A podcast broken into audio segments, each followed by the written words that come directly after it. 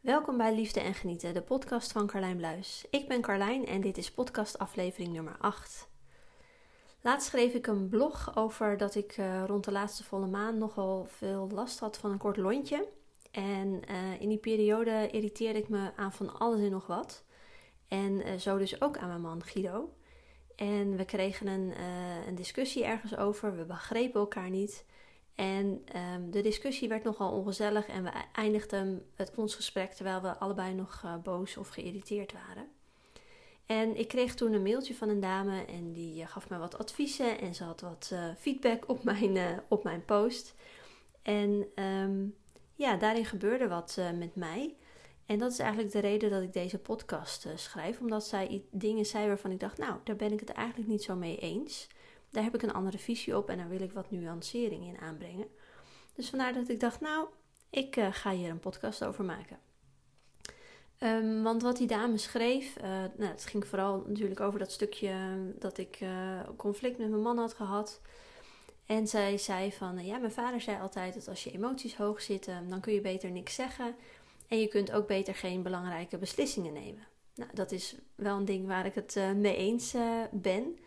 Um, want wat er gebeurt als je diep in emotie zit, dus bijvoorbeeld uh, in je verdriet, in je angst, in je boosheid, als je dan met de ander op één lijn zit, ja, dan is er niet zo heel veel uh, aan de hand, want dan begrijp je elkaar.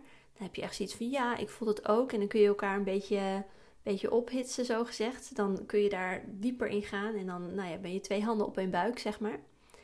Maar als je niet op een lijn zit uh, met de ander en je zit hoog in je emoties, dan is het best lastig om op zo'n moment uh, begrip op te brengen voor de ander en voor het standpunt van de ander en voor de emotie van de ander. En misschien dat je nu denkt, ja, de logisch.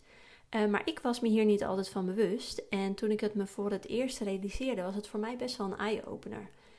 En um, ja, misschien is het leuk een keer om als je in een, in een discussie zit waarbij je dus een andere mening hebt dan de ander en je merkt dat je geïrriteerd of boos raakt, om dit een keer te, bij jezelf uh, af te vragen en te kijken wat er gebeurt. Maar wat er een beetje gebeurt is dat je je logisch nadenken, maar ook je empathie, ja, die worden een soort van, van uitge, uitgeschakeld. En je kunt best uh, argumenten naar de ander uh, toe, uh, toewerpen. Ja, het zit zo, het is dit en ik vind dat. En de ander doet dat naar jou. Maar eigenlijk hoort die ander jou niet echt en jij hoort die ander ook niet echt. In ieder geval sta je er niet voor, voor open op, ja, voor, voor het perspectief van de ander. En um, ja, wat, je, wat er dan kan gebeuren is dat je als het ware als twee vechtende kemphanen gewoon doorgaat. Gewoon door blijven vechten tot een van de anderen het opgeeft. En dan is discussie voorbij. Maar dat betekent niet dat je, ja, dat het echt lekker voelt, zeg maar. Dat je echt ook daadwerkelijk tot een uh, overeenstemming bent uh, gekomen. Maar ik zag het dus tijdens deze discussie zag ik het ook uh, gebeuren. Dus je begint een gesprek en na, na, een tijdje voel je die irritatie opkomen. Nou, dan merk je dat je wat harder gaat praten. En op een gegeven moment dacht ik, dit is nu al de vijfde keer dat ik dit zeg en we zijn nog echt geen stap verder gekomen. En toen had ik ook het gevoel van, nou, het heeft ook geen zin om verder te gaan, want we komen er gewoon nu niet uit. Um, dus we waren allebei uh, nogal een beetje pissig op elkaar. En, maar we hadden zoiets van, nou oké, we komen er gewoon niet uit. Ook oké. En we sloten het gesprek af. En uh, wat ik ook in dat, uh, dat blog uh, beschreef waar deze dame op reageerde, was dat ik was gaan wandelen. want vaak als ik nou ja, geëmotioneerd ben, dan helpt dat heel goed. Dan zakt het weg en dan is het daarna eigenlijk wel prima. maar in dit geval was ik nog steeds boos. En ik wilde eigenlijk verder met mijn werk, maar dat lukte dus niet. Waar ik vervolgens ook weer pissig over werd. Waar kan niet eens werken nu. Toen dacht ik, oké, ik moet wat anders. Dus toen ben ik uh, gaan schrijven. Ik heb een uh, emotie- en gevoelens uh, dagboekje. Dus daar ben ik gewoon in gaan schrijven. Van wat voel ik, wat denk ik, welke gedachten komen in me op, enzovoort. En als schrijvend merkte ik dat mijn argument dat ik tegen Guido al gezegd had... dat ik dat nog steeds als waar voelde. Ja, ik vind nog steeds dat puntje, puntje, puntje. want soms kun je natuurlijk dingen zeggen waarvan je achteraf denkt... nou, dat zei ik eigenlijk alleen maar om, nou ja, ook oude koeien uit sloot te halen of om de ander te kwetsen of wat dan ook. Dat gebeurt soms. Um, maar goed, dit, was, dit, dit, dit vond ik nog steeds. Maar ik kon er verder niks mee. Ik, de boosheid zwakte niet af. Ik bleef gewoon in die, in die emotie uh, zitten. En ik weet ondertussen dat als ik aan het schrijven ben, dat ik pas klaar ben als ik de emotie losgelaten heb. Als ik er doorheen ben gegaan. En soms is het van me afschrijven is al genoeg. Maar meestal krijg ik een mooi inzicht. En ik weet dat voordat dat gebeurd is, dan ben ik dus nog niet klaar met schrijven. Dus ik ging, ja, ik ging gewoon door met schrijven.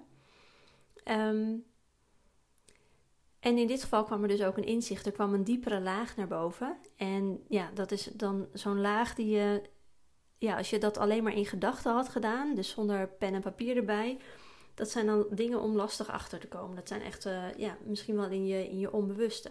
Nou, dat was in dit geval dus, uh, dus ook zo. En waar ik achter kwam is dat ik me eigenlijk gewoon gekwetst voelde, omdat ik het gevoel had gekregen: ik ben de moeite niet waard. En Guido had iets gezegd. We hadden een afspraak gemaakt, maar hij deed vervolgens wat anders. En dat vond ik irritant en daar behaalde ik van. En ehm, wat ik daarbij dacht, de gedachte die toen ik aan het schrijven was bij me opkwam, was: hij neemt niet eens de moeite om het voor elkaar te krijgen. Oftewel, het gevoel wat ik kreeg was: ik ben de moeite niet waard. En dat was voor mij echt een hele goede om te beseffen. Ehm, en niet alleen omdat ik het daarna aan hem uit kon leggen, zo van luister.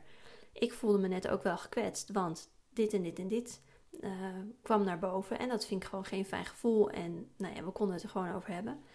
Maar ik had tijdens het schrijven ook gezien waar het vandaan kwam. Um, het kwam uit de vorige relatie met een man. En die verzon alles bij elkaar. Um, hij was heel goed in het ene zeggen, maar vervolgens iets anders doen. En meestal ook met de bedoeling om de mensen waar die dat tegen zei, om, om de tuin uh, te leiden. Hij kon uh, heel goed alles uh, wat krom was recht kletsen, zeg maar. Um, dus dat was een stuk in mij wat, wat naar boven kwam. Maar, maar Guido, die is dus helemaal niet zo. Um, en hij doet eerder het tegenovergestelde. Hij doet juist heel veel moeite. Zowel voor mij als voor Robin, als voor zijn moeder, maar ook voor andere mensen. Dus toen dacht ik van oké, ik voel dus het ene. Maar ik weet dat het niet waar is. En op het moment dat ik dat inzicht kreeg, kon ik afkoelen.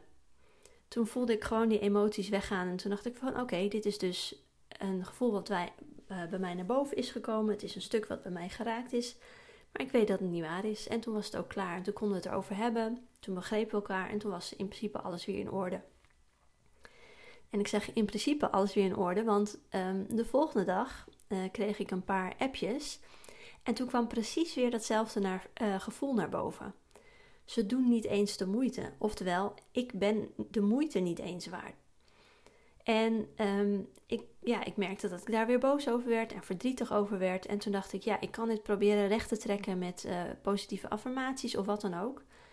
Maar ik weet ondertussen dat als, als je echt een stuk hebt wat geraakt is, dat dat eigenlijk niet helpt. Of het helpt maar eventjes en dan komt het weer voorbij en dan moet je weer enzovoort.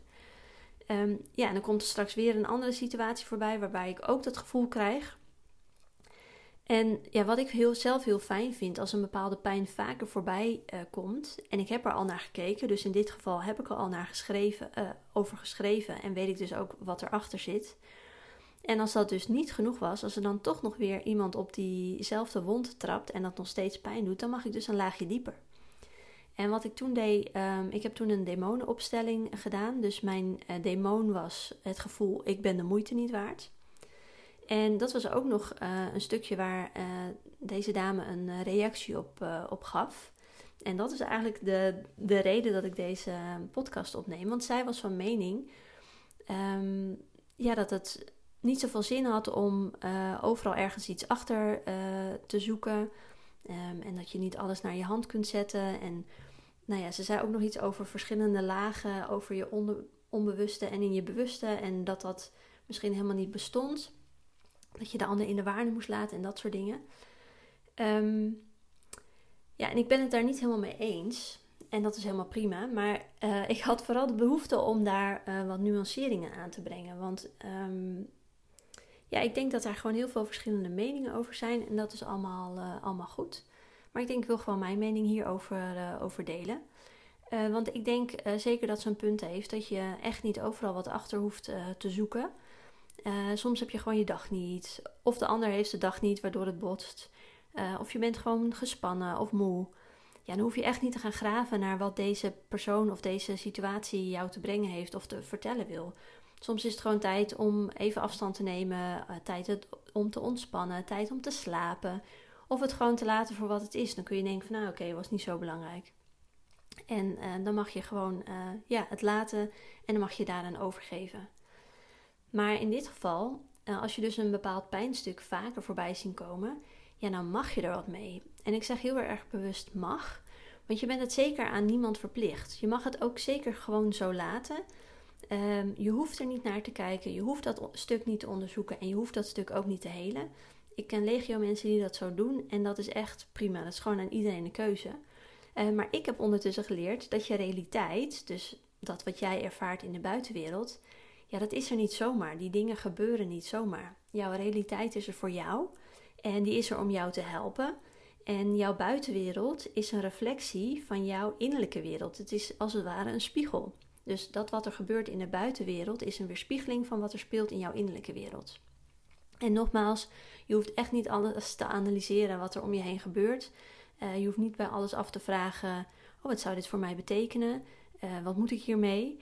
Maar het zijn vooral de dingen die je raken, uh, de dingen waardoor je gekwetst voelt, waardoor je geïrriteerd raakt. Dat zijn de dingen waar je iets mee mag. Nogmaals, mag. En je mag het zien als een uitnodiging uh, om er dan naar te kijken. Want zoals in het voorbeeld van mij en van Guido, hij heeft nooit tegen mij gezegd: dat ik de moeite niet waard, waard ben. De anderen waarvan ik de appjes kreeg, hebben dat nooit tegen mij gezegd. Het was simpelweg uh, het gevoel wat ik erbij kreeg. Het was echt puur mijn reflectie, mijn, wat ik voelde. Van ze zeggen dit of ze doen dit, dus ik ben het niet waard. Maar als je het zou, zou vragen, wat ik in het geval van Guido natuurlijk ook gedaan heb, dan kom ik er, kwam ik er dus achter dat het helemaal niet is wat ze bedoeld hebben. Het is alleen maar een gedachte in mijn hoofd, of nou ja, waar, waar jij je aan irriteert, een gedachte in jouw hoofd. Het is een overtuiging. Um, en je mag er dus uh, voor kiezen om die overtuiging gewoon lekker te laten zitten. Maar je mag dus ook proberen om bijvoorbeeld die overtuiging om te draaien met een positieve affirmatie. Um, en in dit geval zou dat kunnen zijn van uh, ik ben het wel waard. Net zolang totdat je dat uh, gaat geloven. Maar wat voor mij heel goed werkt, is er dus dieper naar gaan kijken. En dat doe ik ook echt niet met alles, maar bij dingen waarvan ik denk: auw, dit doet echt pijn. Hier ben ik echt door gekwetst. En hier ben ik lang, um, ja, door van het padje af, zeg maar. En lang het betekent niet drie dagen hoor. Lang is uh, dat het niet met een paar minuten wegzakt. ja, dan uh, is het fijn om er dieper naar te kijken. Wat wil mij dit zeggen? Waar komt dit vandaan? En deze signalen die je dus krijgt van die andere mensen, en deze dingen waardoor je geraakt uh, wordt, die kunnen je helpen om jouw interne pijnen of jouw overtuigingen of andere interne conflicten, om die aan het licht te brengen. Um, want slechts 5% van ons brein is bewust en de rest, 95%, is onderbewust of onbewust. En deze onbewuste stukken, waar vaak ook dus heel veel shit in zit, allemaal pijnen en dat soort dingen, die kun je dus heel goed aan het licht brengen door te kijken naar de irritaties die op je pad komen. Dus de mensen of de situaties die je boos maken, of bang of verdrietig of wat dan ook. En zij helpen je als het ware om het naar je bewustzijn te trekken. En als het in je bewustzijn zit, dan kan je er iets mee. Dan kan je een andere keuze gaan maken. Dan kun je zeggen van oké, maar dit pik ik niet meer, ik ga dit anders doen. Of je kunt het gaan helen als dat nodig is. Nou, misschien dat je je afvraagt van goh, uh, waarom zou ik het überhaupt naar boven trekken en waarom zou ik het niet liever verborgen houden? Omdat ik van mening ben dat als ze verborgen zijn, hebben ze invloed op jou. En dat heb je niet in de gaten. Daarom heet het ook je onderbewuste natuurlijk. Um, maar ze hebben invloed op jou, op de keuzes uh, die je neemt, op de dingen die je doet. Um, en misschien een mooi voorbeeld. Stel dat jij als kind het gevoel hebt gehad dat uh, ze geen liefde waard is. Dus jouw innerlijke kind is ervan overtuigd dat ze geen uh, liefde waard is. En dan ineens kom je een leuke man tegen. Um, en um, nou ja, je weet eigenlijk niet of je die relatie wel of niet aan moet gaan. Um, maar of je het wel of niet doet, het heeft een reflectie op je relatie. Dus of je durft het niet, want je hebt het gevoel ik ben het niet waard. Of die persoon zou jou het gevoel geven dat je geen liefde waard bent. En natuurlijk kan het zijn dat je iemand treft bij wie dat echt zo is. Die echt zoiets hebt van nou, je bent het niet waard, jij bent ondergeschikt aan mij, je bent minder waardig dat die niet vanwege, uh, bij jou is vanwege liefde, maar vanwege een angst om alleen te zijn of vanuit het gevoel uh, beter of sterker of machtiger te zijn, ik noem maar wat. En dan mag je dus afvragen: waarom heb ik deze persoon in mijn leven aangetrokken? En um, dan hoef je dus niet uh, je demonen in de ogen te gaan kijken en te denken van oké, dit komt voort vanuit het feit dat ik geen liefde waard ben en ik moet maar bij deze persoon blijven. Nee, dan kun je dus eventueel de keuze maken van nee, dit is dus, uh, dit is, dit is niet mijn, mijn man of mijn vrouw. Want ja, sommige mensen zijn gewoon eikels, daar kun je ook niks aan doen. Maar het kan net zo goed zijn dat die andere persoon juist wel dol op jou is, maar dat jij het niet ziet. Dat je het niet voelt, dat je het niet kunt ontvangen. En dan krijg je dus datzelfde gevoel van ja, ik ben zijn liefde niet waard. En je zult daarin fricties krijgen in je relatie. Je wordt hoe dan ook uitgenodigd om te kijken naar dat gevoel. Ik ben het niet waard. Dus of ik ben het niet waard om de relatie aan te gaan, of je zit in de relatie en het blijkt iemand te zijn die, uh, nou ja, het jou daadwerkelijk niet waard vindt, of je krijgt alleen maar het gevoel. In alle, in alle vormen is het voor jou een uitnodiging om te kijken waar komt dat vandaan? En op het moment dat je weet waar het vandaan komt, als je het naar boven hebt gebracht, dan kun je het gaan helen. En wie weet bloeit die relatie wel op tot iets fantastisch. Of kom je dus tot het inzicht dat je heel snel weg moet wezen, want je bent het wel waard. En je bent het waard om bij iemand te zijn die wel echt van je houdt. Dus dat is dan echt een mooie, ja, een mooie spiegel. En dan kun je zeggen van ja, ik, ga, ik, ik hoef niet verder te graven, want uh, ja, dat heeft toch allemaal geen zin en er zijn geen andere lagen.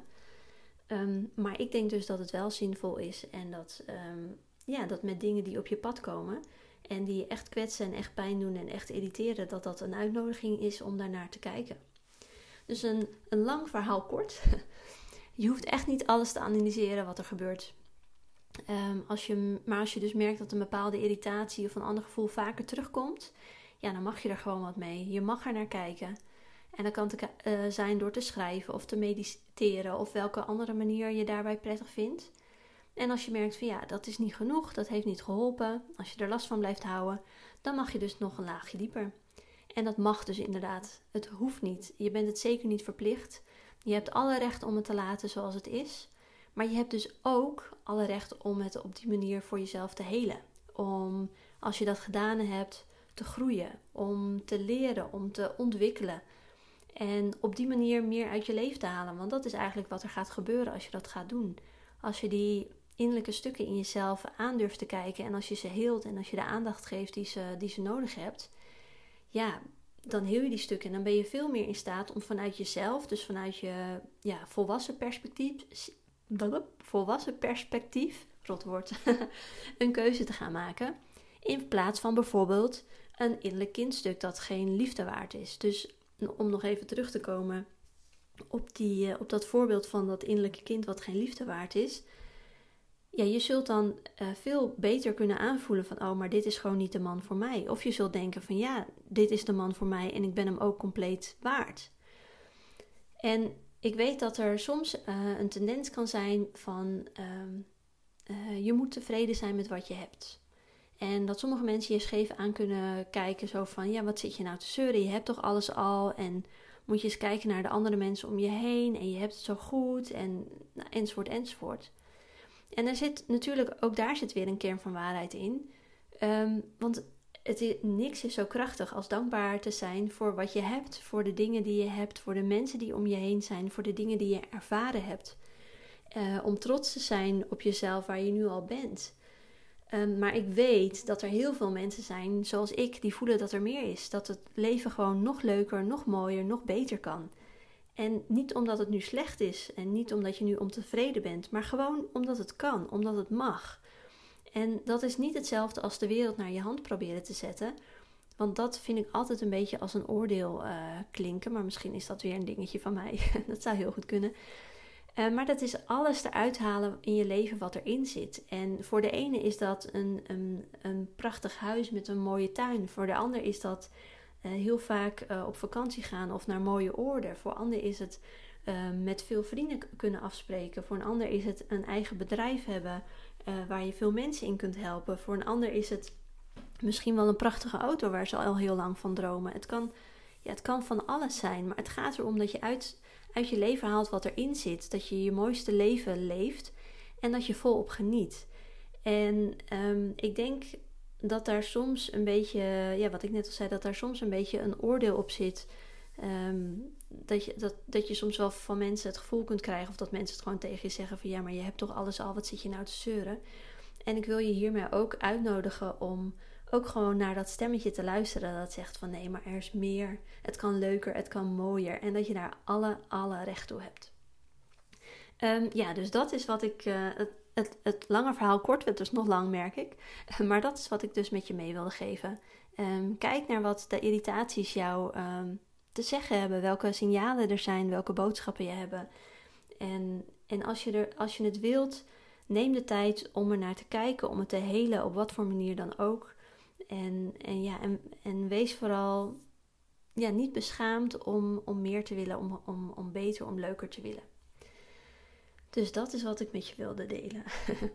nou, mocht je, ik heb hier een aantal dingen genoemd, onder andere het, uh, het spiegelen. Als je meer wil weten over het spiegelen, dan kun je even op mijn website kijken, www.carlijnbluis.com en daar vind je dan een kopje spiegelen.